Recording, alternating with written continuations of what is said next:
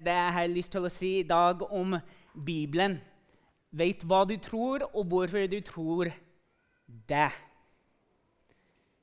Vi har snakket om at det, det er livsviktig for vi som følger etter Jesus, å vite hva vi tror, og hvorfor vi tror på det. Og at Bibelen den er kilden på hva vi tror, og hvorfor vi tror på det. Selvfølgelig har vi livserfaringer som forsterker hva Guds ord sier om hvem han er, først og fremst. Altså hvem vi er, altså hvordan vi skal forholde oss til han, og den relasjonen han ønsker å ha med oss gjennom Jesus. Og den kraften vi får av Den hellige ånd når vi lever med Jesu ånd i oss. Så det er først og fremst å vite hva det vil si for oss og livet vårt. Og så begynne å jobbe med det i vårt eget liv. Og så gå ut i verden, det er samfunnet vårt. Og begynne å gjøre det synlig for an andre mennesker. Men hvorfor du tror på det, det er li like viktig om hva vi tror om hvem Jesus er. Hvorfor vil si at vi kan svare på spørsmål når folk kommer som nysgjerrige om hva Bibelen sier, hvorfor eh, det sier sånne ting, og hvorfor vi lever etter hva står i her. Men for å gjøre disse tingene som Kirsti snakket om forrige søndag, så må vi være i Guds ord regelmessig. Vi må lese i det. Det er ikke liksom at ja, i dag har jeg ikke lyst. Det er mange dager som alle her har ikke lyst. Men de fleste dagene som overvinner den tanken at vi må være i Guds ord, det vanskeligere det blir for oss til å holde ut om hva vi vet om Gud, og hvorfor vi tror på det vi vet. Fordi samfunnet trekker oss i en helt annen strand enn hva Bibelen trekker oss. Bibelen trekker oss nærmere Gud. Samfunnet prøver å trekke oss bort fra Gud. Vi blir så opptatt med så mange andre ting. Og Jeg sier ikke at alt er negative ting som vi blir opptatt med, men Guds ord blir numero uno. Number one prioritet i vårt liv. Så vi skal snakke veldig kort i dag om hvordan, hvordan kan vi bruke Guds ord i livet vårt? Hva er de praktiske tingene vi kan gjøre for å implementere Guds ord i livet vårt? Og Jeg skal ikke bruke lang tid og si at ja, du må sette av tid hver eneste dag. For alle har hørt det. Vi vet, vi vet hvis vi skal lese i Guds ord, da må vi sette av den tiden. Det er et prinsipp. Hvis jeg ønsker å bli flinkere i matematikk, da må jeg sette av tid til å liksom, gjøre oppgaver som gjør meg flinkere i matematikk. Hvis jeg ønsker å vite hvordan jeg skal lage mat, da må jeg sette av tiden til å finne opp oppskrifter og sette i gang med å liksom, måle ting opp, sette i ovnen og gjøre sånne ting. Ta skritt. Å lese i Bibelen, det er et skritt. I det liksom, daglige livet men jeg tenker mer sånn at verden møter oss hver eneste dag med sine utfordringer. Bibelen forteller oss at vi skal ikke bry oss så mye om dagen som kommer, fordi dagen vi lever i nå, har sine egne utfordringer. Så hvordan skal vi møte samfunnet, hvordan skal vi møte livet vårt, som har sine egne utfordringer i dag? Det er sikkert at mange kjørte hit fra huset med noen utfordringer. Kanskje det var i ekteskapet, kanskje det var i forhold til barn, kanskje det var i forhold til eh, noe som skjer i et annet land, kanskje det er i forhold til dine egne tanker. Men det er ting som liksom tar med seg utfordringer hver eneste dag. Eh, Jens Gunner, kan du bare Fordi jeg, jeg, har ikke noe bibelvers. Det er ikke mange bibelvers som skal komme opp på skjermen i dag. Jeg har dem her. Jeg tenker det vi gjør på en måte en sånn stor bjørnetjeneste for alle som kommer i kirka, ved å alltid ha eh, bibelvers opp på skjermet. Fordi da tenker man at nei, vet du hva? jeg trenger ikke å bla opp i Bibelen. trenger ikke Bibelen i dag. Og jeg, Ikke misforstå meg, jeg vet at Bibelen fins også her. Det går an å bare slå opp i mobilen. Så eh, jeg fordummer ingen som ikke har eh, den Bibelen her, fordi jeg bruker mest eh, appen. Men samtidig Det kommer ikke noe liksom, Matteus 5, 32 her, her på skjermen i dag.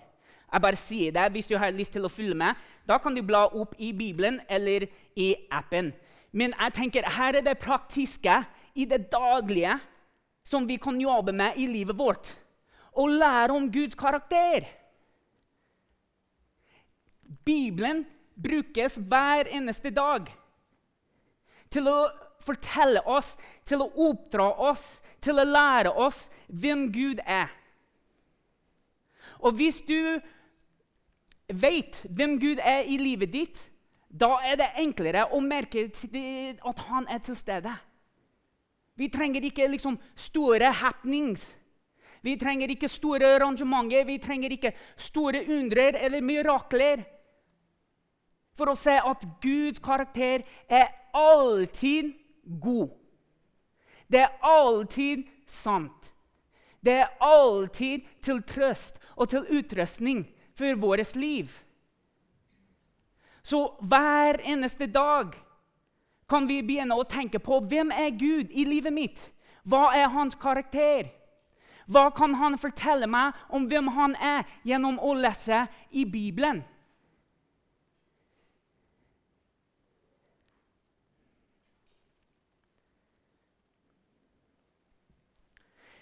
Vi kan lese i 5. Moses bok. Fordi vi vet at Gud er også til utmuntring for oss. Og hver, hver eneste dag trenger hver og en av oss utmuntring. Jeg trenger hver eneste morgen trenger å utmuntre meg selv til å klatre ut av senga. Det, det, det, er helt sant. Det må være noe som motiverer meg til å reise meg opp og begynne å bevege meg ut av senga. Og jeg vet ikke om man skal si det, men vanligvis er det ikke jobben og andre ting som gjør det. Jo, jeg koser meg, og jeg liker det jeg gjør. Men det må være noe annet. Og liksom bare starte dagen. Og møtte dagen med mot og frimodighet og en utmuntring. Og som sagt, liksom, man kan være eh, liksom, latt i forhold til å lese i Guds ord. Man kan bare starte dagen med kaffe og litt frokost.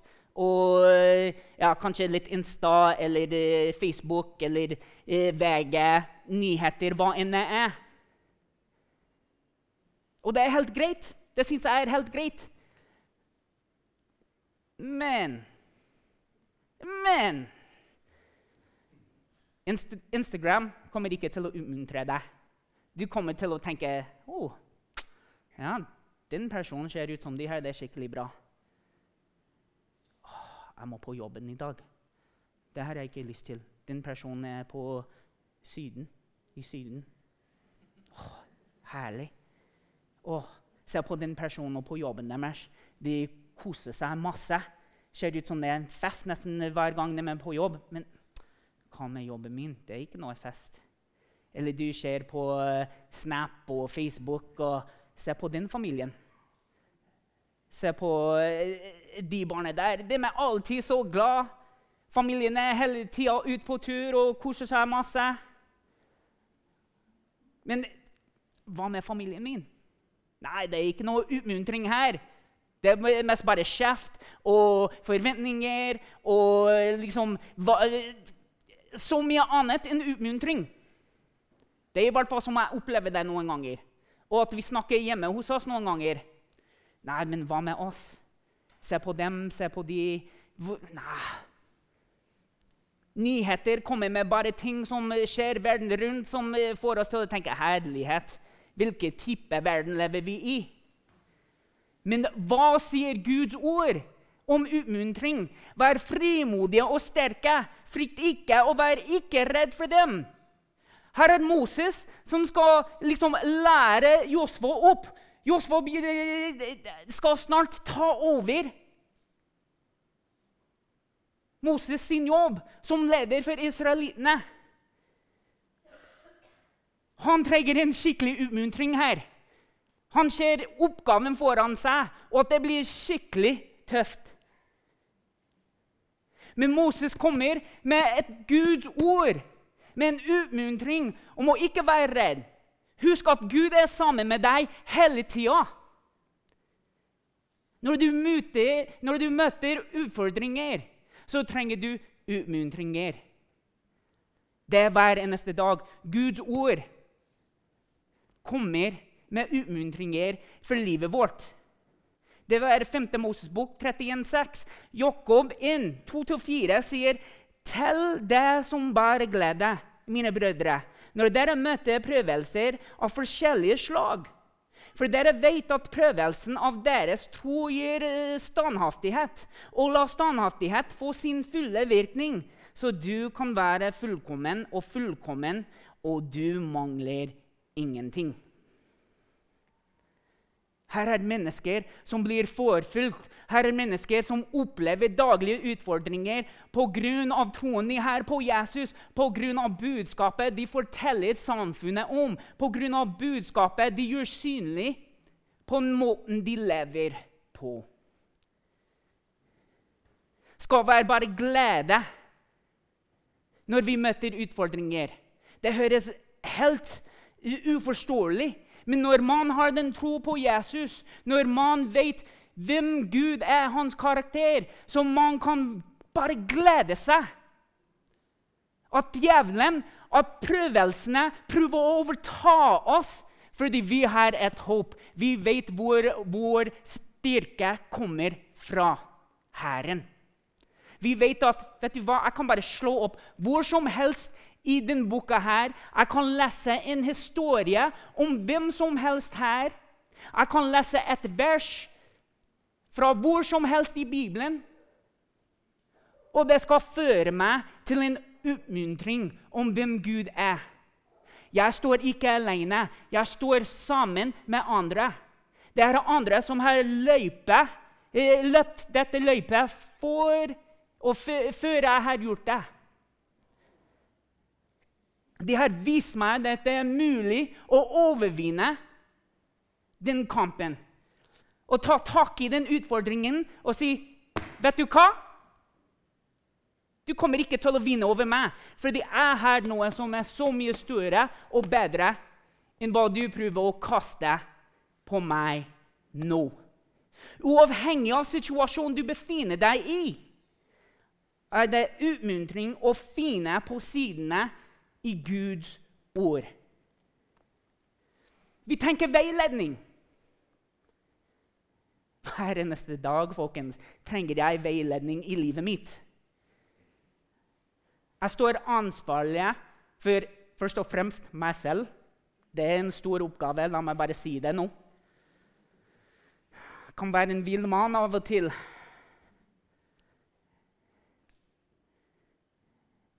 Så har jeg en familie som jeg må veilede. Her er liksom også prioriteringer for meg. ikke sant? Vi kommer til å snakke kort om det. Men først og fremst Gud. Så må jeg veilede meg selv av Guds ord. Det er Guds ord som en sti for mine føtter. ikke sant? Det er han som skal veilede meg gjennom alle mine avgjørelser. Ikke liksom skal jeg ta på sokker i dag? Skal jeg pusse tennene mine? Skal jeg spise frokost? Nei, ikke sånne avgjørelser. Men hvordan skal jeg tenke om meg selv i dag? Hvilke tanker skal jeg ha om min familie i dag? Hvordan skal jeg håndtere konflikten mellom han og meg i dag? Hvordan skal jeg oppdra barna mine? Hvordan skal jeg hjelpe kollegene mine? Hvordan skal jeg bygge Guds menighet? Her er hvor jeg trenger veiledning. Hvor er du ansvarlig i livet ditt? Hva har du ansvar i livet ditt? Hvem er det som veileder deg? Hva er det som veileder deg? Jesus. Amen. Nei, det er ikke en annen vei å bli veiledet på. Vi kan også lese mange fortellinger om mennesker som tenkte vet du hva? Jeg er stolt nok på Gud, nå skal jeg veilede meg selv. Salomo, han som var kjempe eh, liksom, Fylt av kunnskap og visdom. Tenkte vet du hva? I got this. Det går helt fint. Og vet du hva skjedde når han eh, glemte alt det der? Det gikk ikke så fint, faktisk. Det kan skje av og til i livet vårt at vi begynner å bli kjempestolt av hva vi får til, og hvem vi er. Men Gud bruker sitt ord for å trekke oss tilbake til hvem egentlig vi skal gi æren til, og hva vi skal stole på, og hvem, øh, hvorfor vi skal stole på ham. Vi tenker veiledning, vi tenker Noah, som tvers alt og alle som har sagt noe dumme ting om hvem han var, og hvor, uh, det han holdt på med, fikk veiledning fra Gud. Og han valgte å ha bare fokus på det og ble veiledet til en løsning for å unngå den katastrofen som var flommen. Han reddet mange i den tida som også var villig til å ta veiledning fra en mann de trodde var så nær Gud at han hørte ham.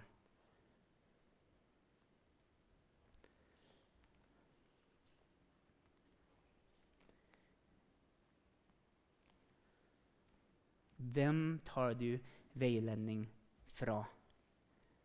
Det er praktisk veiledning i dagliglivet. Det kommer fra Bibelen. Og hvis du tenker på ah, det, det, vet jeg ikke om jeg klarer det. Men da trenger du også litt frimodighet, eller mot til å møte ukjente. Tenker på Paulus og disiplene. De møtte det ukjente hver gang de var ute og reiste til andre steder for å møte folk og fortelle om Jesus. Vi møter i vårt liv alltid det ukjente. Egentlig hver dag vi står opp. Vi har rutiner, og vi har en idé av hva vi kommer til å møte. Men med hver dag så kommer det alltid muligheten for at vi blir møtt med det ukjente. Og hva vil skje med deg? Hva skal du gjøre hvis du blir møtt med det ukjente? Disiplene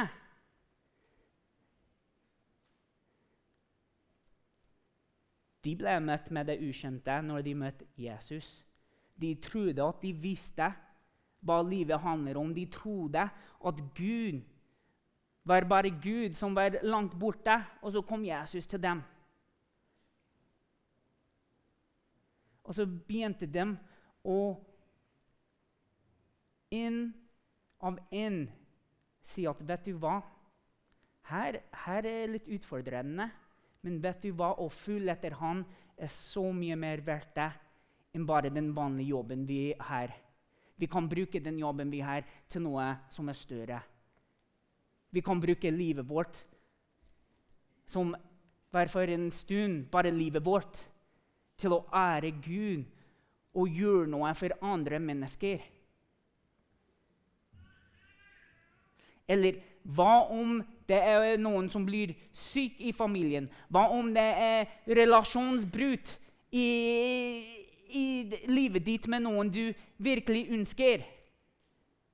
Vi møtte Paulus, som har eh, liksom en skikkelig krangel med Timoteus. Barnebas, takk. Og de går bort fra hverandre. Skikkelig sint. Vi kan ikke samarbeide. Men hva gjør dem? De kommer tilbake etter en stund, og det blir forsoning i det forholdet.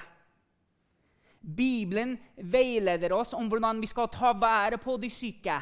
Hver gang Jesus kom i nærheten av de som var syke, så var det alltid en bønn, alltid en utmuntring, alltid lyst til å gjøre noe for den personen.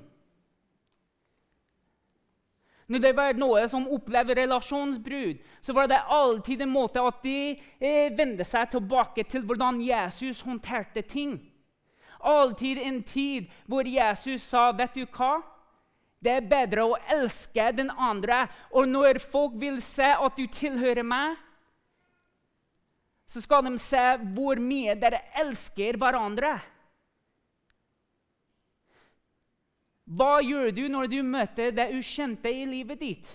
Hvor er det du snur? Er det inni deg? Hva kan jeg gjøre for å liksom overkomme den utfordringen? Hva skal jeg gjøre for å komme meg gjennom uh, det ukjente situasjonen? Kom igjen, kom igjen, jeg må skjerpe meg. Det er veldig mye press og trygg på, på en person.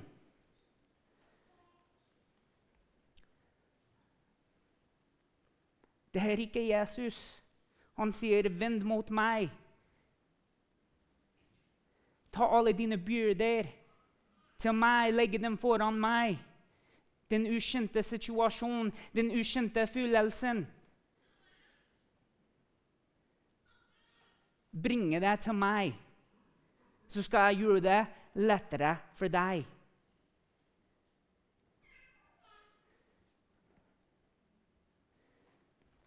Men det handler om prioriteringer, ikke sant? Hvem er det vi prioriterer i livet vårt? Ofte er det oss selv. Vi gir oss selv første prioriteringen i livet. Hva jeg ønsker, hvordan jeg føler, eh, hva jeg vil, hvor jeg vil gå. Hva jeg vil gjøre. Hva jeg syns er best. I'm right there with you. Det er en daglig kamp som Bibelen hjelper oss med. Å gi første prioriteringen til Gud. Og det står i Matteus 6,33.: Søk Guds rike først. Og så hva? Så blir alt annet lagt til. Det er den først og fremst en prioritering vi må velge å gjøre i livet vårt. Luke 12, 14. Der skatten din er, så blir også hjertet ditt. Hva er det du søker først hver neste dag? Er det Guds ord? Og her er jeg helt enig med at man skal egentlig ha den Bibelen som ligger ved siden av eh, senga eller eh, stolen, eller hvor enn du leser Bibelen. Fordi når du først har den opp, har det blitt til en vane at du bare går rett til Facebook, Insta, Snap, eh, nyhetene, hva enn det er. Jo, bibelappen er der. Men hjernen og fingeren har lært seg at du går her og der først, for du går til appen som virkelig betyr noe. Men her er det ikke noe annet enn å gjøre enn å åpne og så bla opp i og finne frem det du ønsker å lese. Hvor er skatten din? Er det her? Fordi hvis skatten din er her, hvis det er prioritert Gud først. Du søker han her. Du søker han her, du søker han her. Da blir alt annet i orden. Selvfølgelig kommer det noen humper langs veien. Men de humpene er bare for å minne deg på at vet du hva, du må vende deg hit først og fremst. Og finne ut hva du skal gjøre for å løse den utfordringen. For å møte det ukjente med frimodighet prioriteringer handler om Gud og så alt annet. Det praktiske med den Bibelen i hverdagen er at det minner oss på å søke Gud først. Bibelen i hverdagen det skal hjelpe oss å unngå fristelse og syn. Og det er noe som alle er utsatt for, uansett hvor lenge du har gått sammen med Jesus Kristus.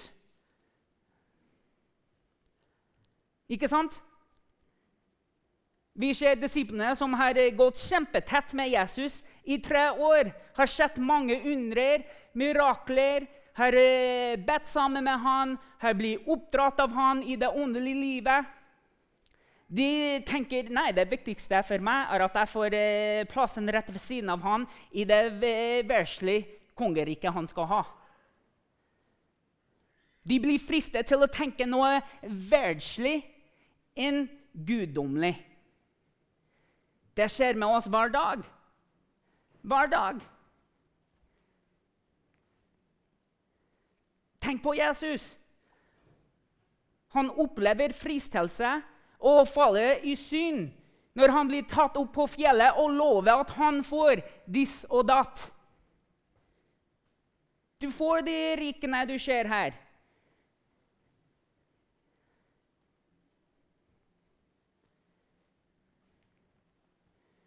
Han drar til eh, hjemmebyen sin.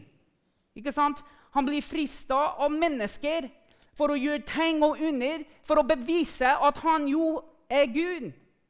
Det blir en skikkelig fristelse, vil jeg tro. Dine venner, dine eh, de, de, som snakker eh, liksom, dårlige ting om deg Ja, han er bare eh, Josefs sønn. Å oh, ja, vet du hva? Jeg skal vise deg Josefs sønn tegn, under, mirakler. Nei, han ga ikke seg til fristelse. Han brukte først og fremst når han var oppe på fjellet, Guds ord.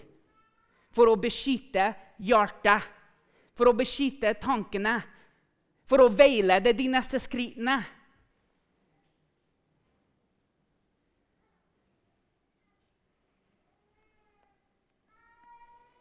Tenk på korset. Kom deg ned, da.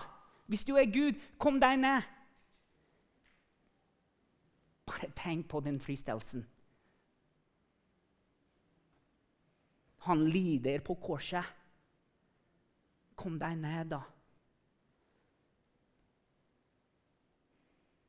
Nei. Vi tenker helt tilbake til Adam og Eva hvor i starten får de veiledning fra Gud. Og så begynner de å stole på seg selv og prioritere seg selv. Miste mot. Frimodighet.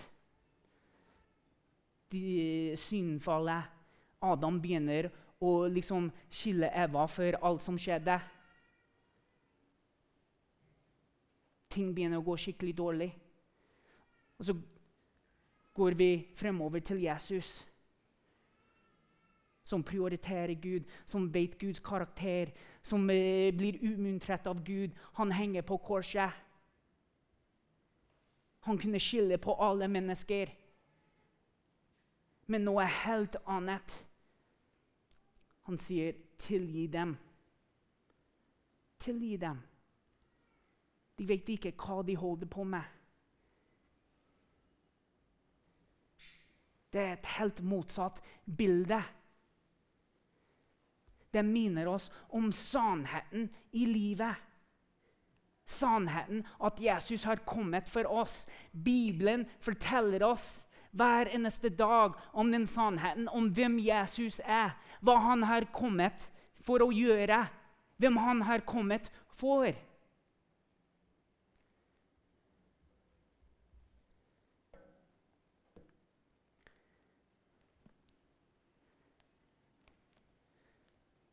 Vi blir satt på prøve daglig.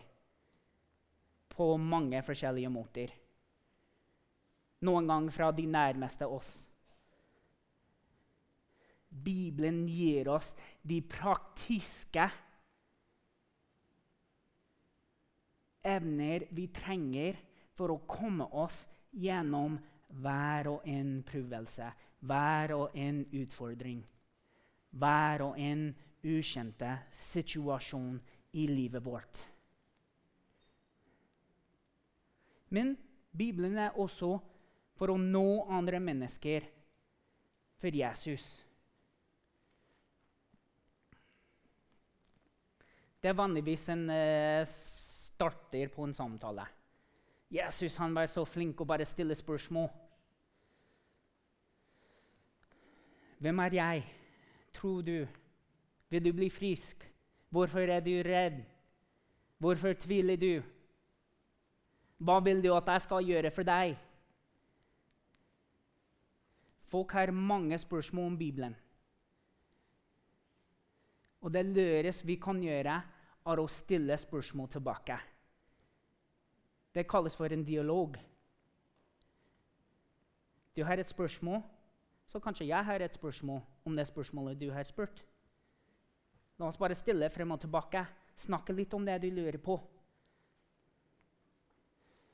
Vi veileder mennesker til å oppleve det praktiske i det daglige livet, og hvor viktig Bibelen er i det daglige livet. Ikke sant? Og Derfor trenger du å huske så godt du kan Guds ord. Hvis du ikke kan utenat, det er så viktig at du har gode historier fra Bibelen hvor du kan grunne hva du tenker og hvorfor du tror på det, til Guds ord, og at folk selv kan gå inn og tenke på det og lese om det og stille spørsmål om det.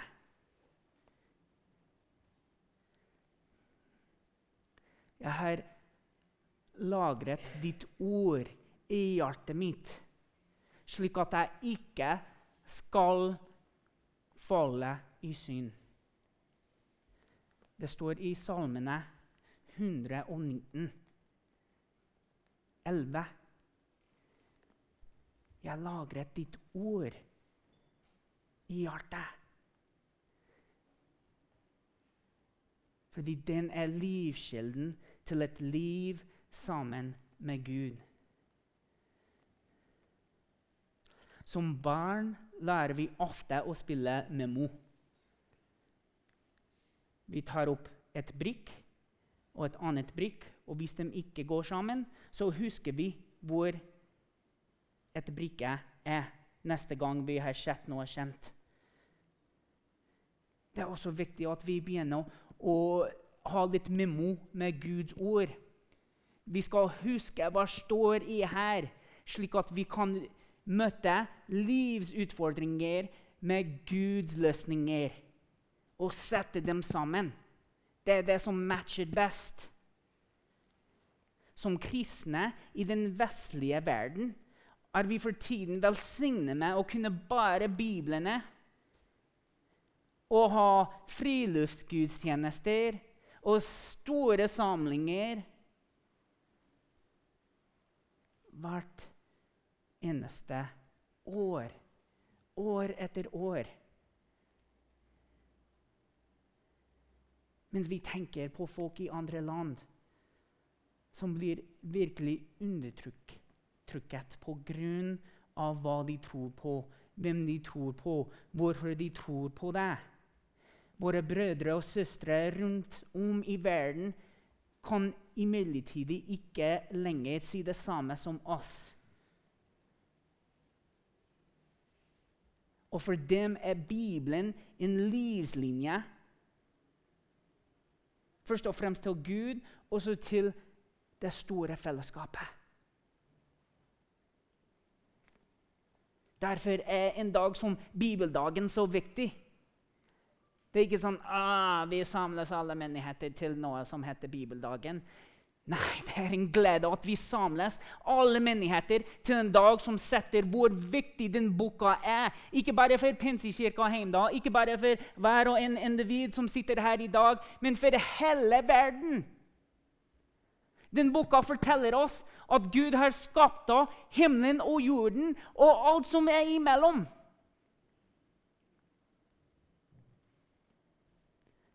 Hva bruker du Bibelen til?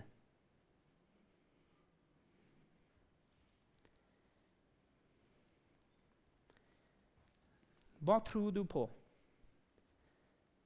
Hvorfor tror du på det? La oss ikke ta for gitt de store frihetene vi har blitt velsignet med i denne boka her. Bibelen. Guds sannheter. Livskilden til den relasjonen med Jesus Kristus.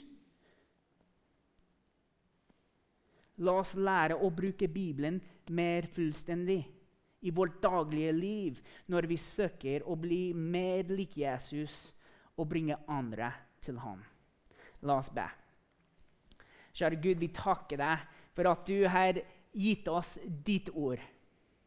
Et ord som vi kan stole på, et ord som vi kan granske og lagre i vårt hjerte for å møte hverdagen med din nåde og din kjærlighet med dine tanker, med din kraft. Den hellige ånd, vi ber her og nå at du skal fylle oss med ny frimodighet til å møte de utfordringene vi står i nå, og de utfordringene som kommer. Gud, vi ber at du skal bare fylle oss opp med visdom om hva vi skal si, og når vi skal si det, og hvem vi skal si det til, om ditt ord. Bruk livet vårt til å gjøre ditt rike synlig, Gud hjelpe oss til å lære om din karakter gjennom ditt ord. La oss bli umuntret i ditt ord. Gi oss veiledning av ditt ord. Gud, hjelp oss til å kartlegge våre prioriteringer her og nå, og snakke til oss om hvor du er i den listen. Og hjelpe oss til å sette deg til førsteplassen og gi deg førsteplassen hver eneste dag, Gud. Takke deg for at du minner oss om din sannhet og dine løfter. Takke deg for at ditt ord hjelper oss til å unngå fristelse og for å nå andre mennesker. I Jesu navn. Amen.